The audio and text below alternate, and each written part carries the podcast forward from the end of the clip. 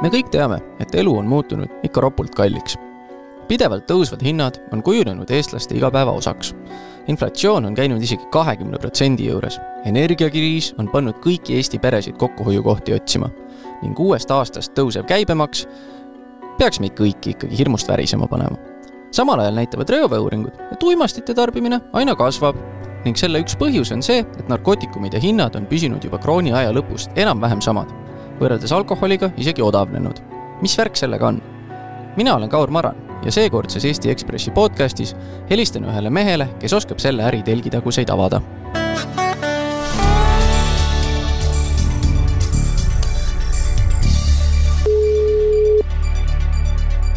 hallo.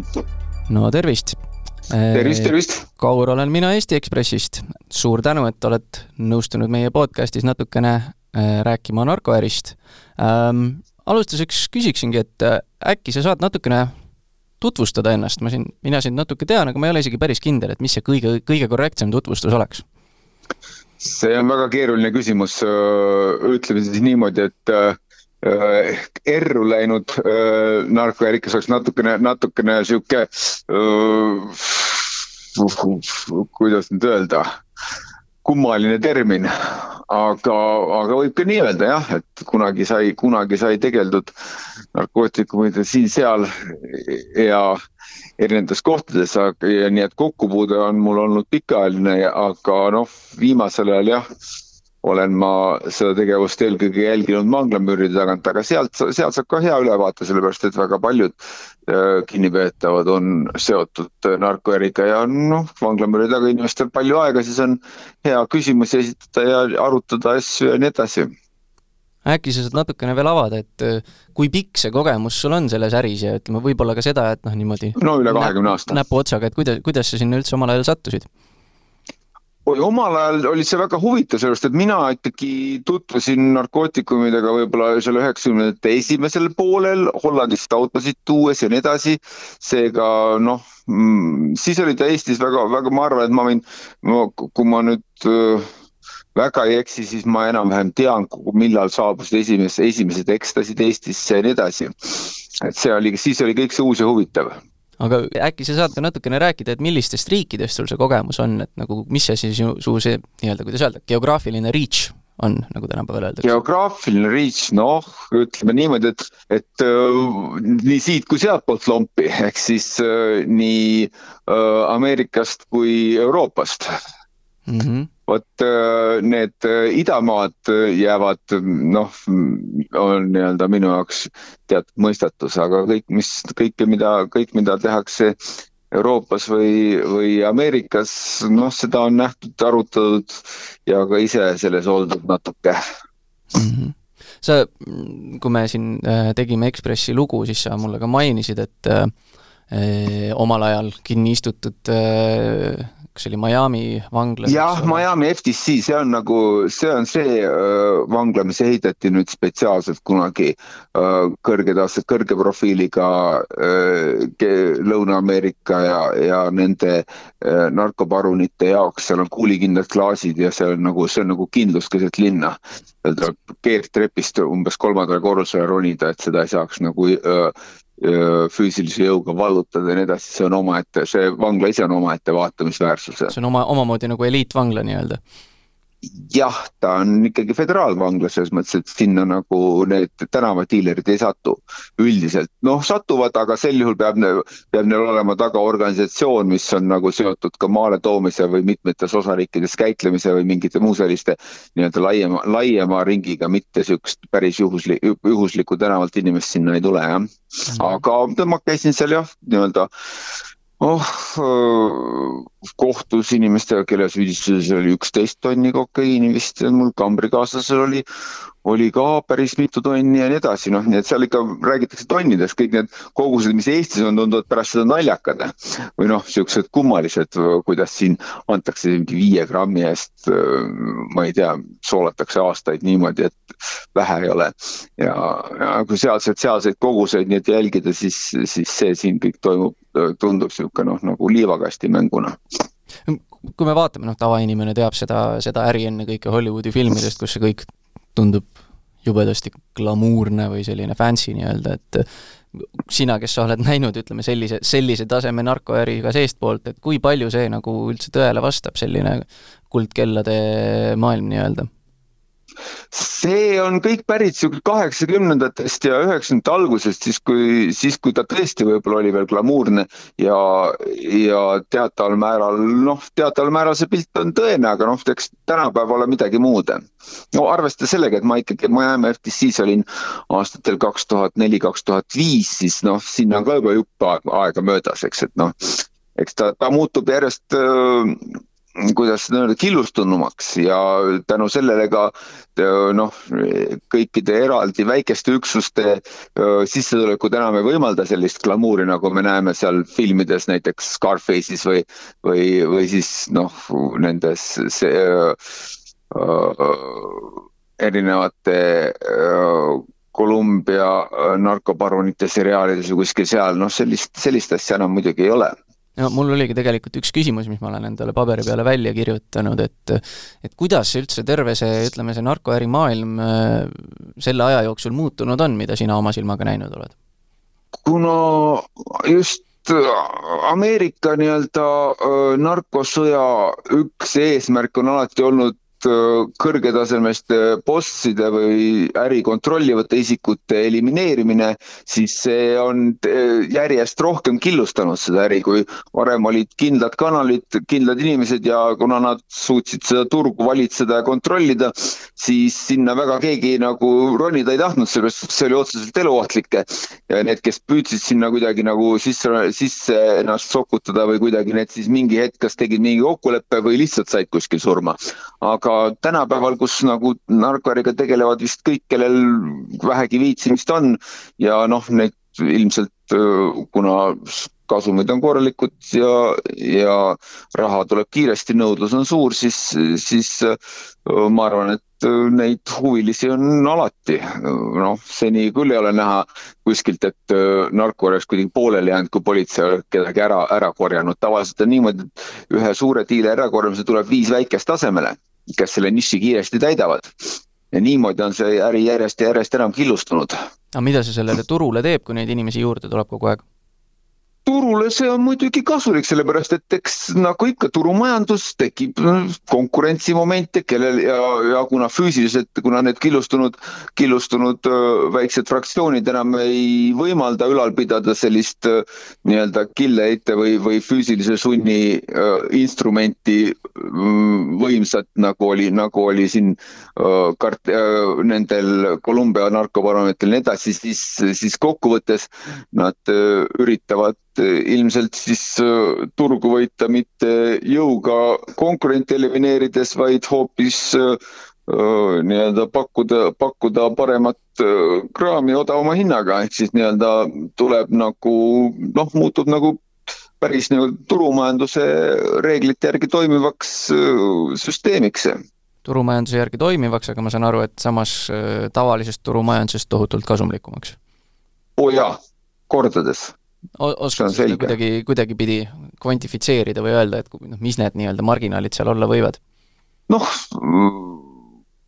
kanepitoodete äris on muidugi marginaalid kõige väiksemad alati, ehk siis kui praegu võib-olla siis parimad, parimad kilohinnad mingisugusel, mingisugusel õiel siis on kuskil kolme-viie tuhande vahel, siis tavaliselt Hispaaniast või siis lõuna poolt, kus saab nagu päiksega kasvatada. mida, mida see kolm-viis tuhat tähendab siis? kilo, jah ja.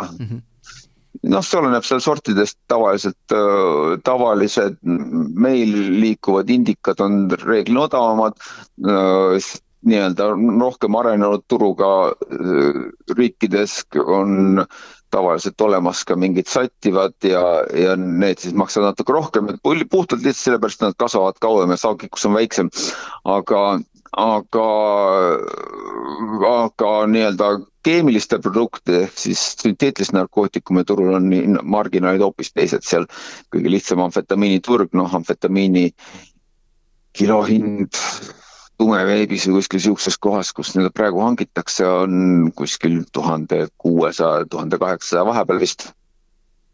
ja noh, siin müügihind on juba pikemat aega, kakskümmend, kakskümmend eurot gramm. muidugi arvestades, et seda veel üks paar-kolm korda lahjendatakse ka, siis see marginaal tuleb päris kopsakas mõni tuhat protsenti.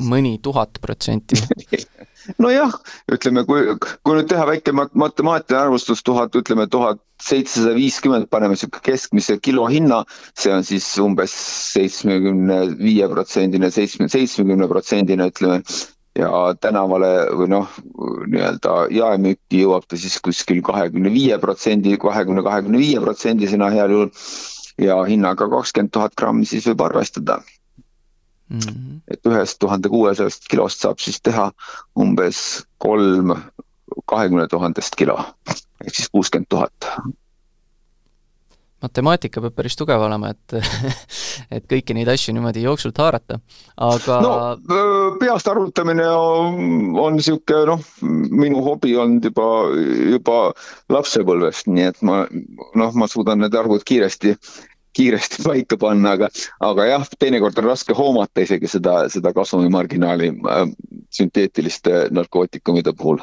aga siit me jõuamegi siia, et äh, see nii-öelda hinna kujunemise teema, et äh, mis, otse öeldes, mis värk sellega on, et kõik, absoluutselt kõik asjad elus justkui kallinevad, kallinevad tohutu kiirusega, aga uimastid püsivad ühe hinnaga, isegi politsei, politsei tunnistab, tunnistab seda, Tervise Arengu Instituut, kõik riikli-, riiklikud instantsid ütlevad ühtemoodi hinnad püsivad no sama. meie jõudsime sellisele arveldusele, meie jõudsime sellisele, nagu ma juba varem rääkisin, me jõudsime sellisele järeldusele äh, nii-öelda narkoturgu kahekümne, kakskümmend aastat äh, narkoturgu, äh, kuidas nüüd öelda, mm, jälginud inimeste vestlusringis Miami FTC-s, kui me arutasime, kuidas on siis nagu narkosõda, mis läks seal lahti juba, juba selle kuulsast Nancy Reagani kõnest kaheksakümne neljandal aastal, siis me tegime arvutuse kaheksakümne, umbes kaheksakümne viiendast kuni kahe tuhande viiendani.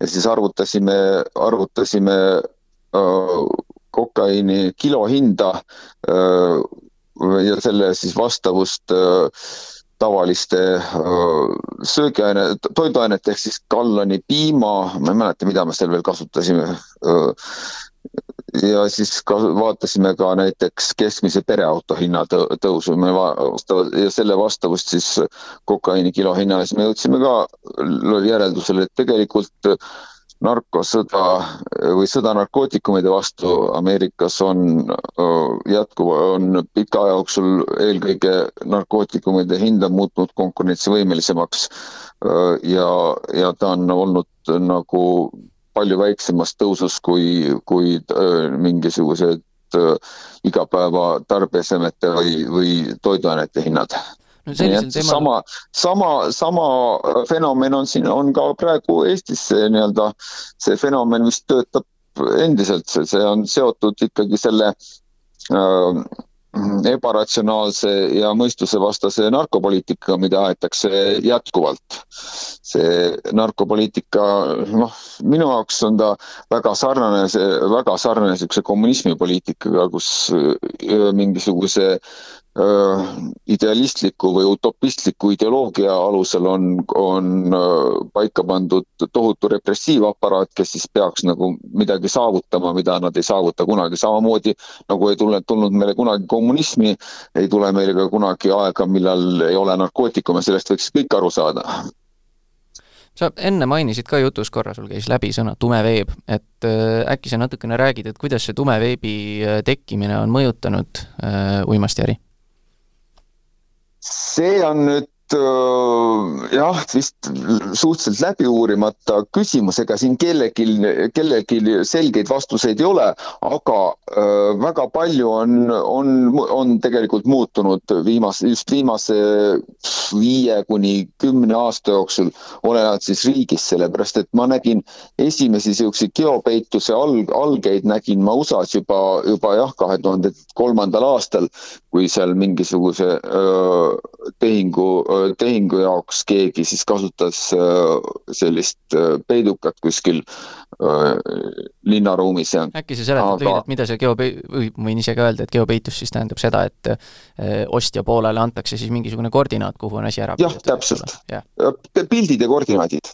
tähendab, seal on paar, tavaliselt kaks pilti või kolm pilti ja nii edasi ja siis on, siis on GPS koordinaat, jah mm. -hmm. ja kuidas see, see praegu jah? no ma ei tea praegu otseselt, ma ei ole ise seda kasutanud tähendab, aga inimeste käest, kes on kasutanud, ma võin öelda, et, et enamus on väga rahul. aga kuidas ikkagi see, kuidas öelda, pakkumise ja nõudluse tasakaal praegu Eestis on?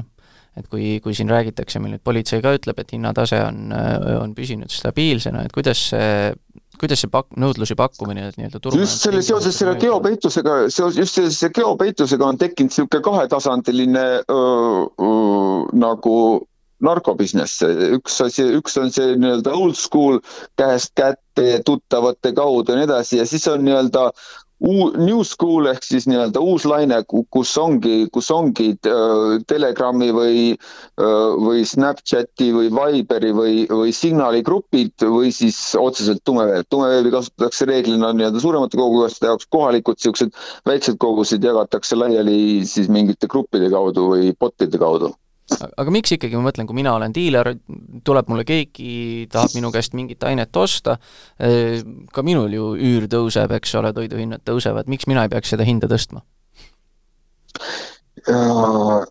Narkootikumid on muutunud niivõrd, on noh, võitnud niivõrd laia leviku, et ilmselt nagu turumahu suurenemise tõttu keegi väga nii-öelda kasumipuuduses või kasumi marginaalis, marginaali vähenemise all ei kannata.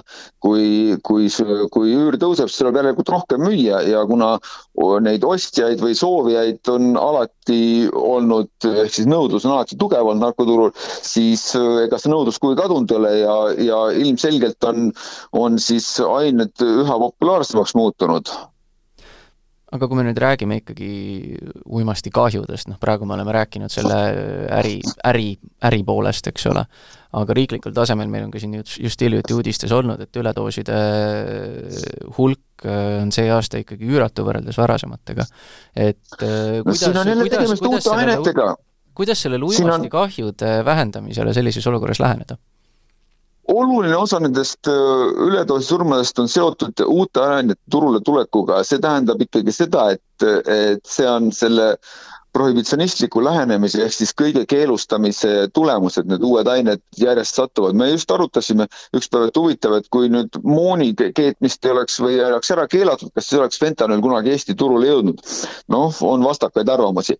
aga, äh, aga kui politsei on väga tõhus mingi aine nii-öelda turult eemaldamisel ja, ja selle aine nii-öelda kana, kanalid on likvideeritud või noh, kõrvaldatud vähemalt mingiks ajaks, siis tulevad turule uued ained ja just kahjuks raskete narkootikumide ehk see opiaatide turul on seda palju, palju näha, aga noh, kuna ma ei ole ise kunagi selliste asjadega tegelenud, siis, siis on minu teadmised niisugused nõrgavaitu, ma võin, ma võin öelda, et me oleme noh, arutluste käigus oleme me jõudnud selgele seisukohale, et, et enamus nendest uutest ainetest, mis on põhiliselt noh, uus aine oli ka fentanüül Eesti turul ja siis olid ka surmade, kui fentanüül turule tuli, läks siis läks surmade arv koheselt lakke, noh ja no, päris tükk aega võttis ennem, ennem kui selle nii-öelda laine vaibuse aga, aga see on lihtsalt täpselt sama, sama, samasugune, aga lihtsalt järgmine laine, järgmised ained.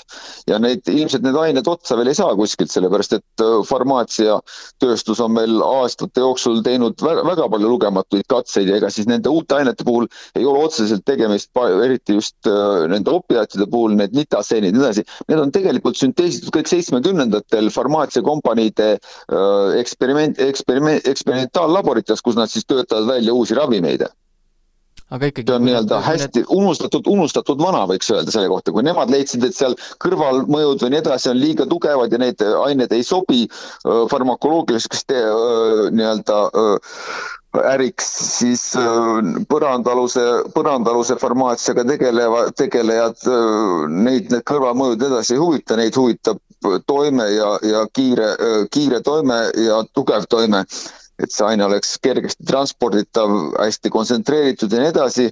ja neid huvitab ka see, et nad ei oleks äh, veel esialgu vähemalt politsei nimekirjas, et siin paljud nitaseenid ju alguses tulid niimoodi, et, et äh, politseil puudus isegi võimalus nende testimiseks ja inimestele anti need ained tagasi, kuigi noh, nad olid kahtlased ained, aga aga et kui testimine selgus, et need ei kuulu keelatud ainete nimekirja, siis saab, siis anti need ained tagasi, kellel midagi teha ei jäänud. ühesõnaga, probleem on äh, suur?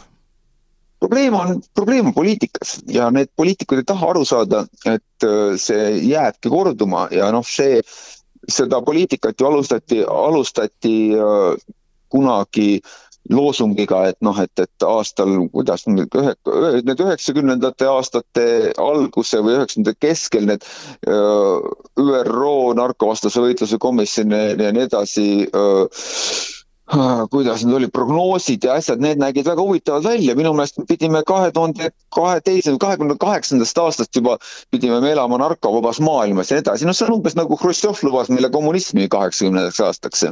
aga ikkagi, võib-olla sellise lõpumõttena, et äh, ikkagi mida siis, mida siis peale hakata selle olukorraga, kus uimastid muutuvad järjest odavamaks, noh, muu elu suhtes, ja neid tuleb pidevalt, pidevalt see on, see on ainult järgmine selge märk sellest, et poliit-, uimastipoliitika on läbi kukkunud ja midagi tuleks muuta. aga seni, kui poliitikutel puudub õieti tahe ja arusaamine, kuidas ja mida, seni, seni noh, seni need muutused ilmselt ei tule. hästi, mina tänan ja Eesti Ekspressi järgmist podcasti saab kuulata juba järgmisel nädalal juba uute teemadega. aitäh!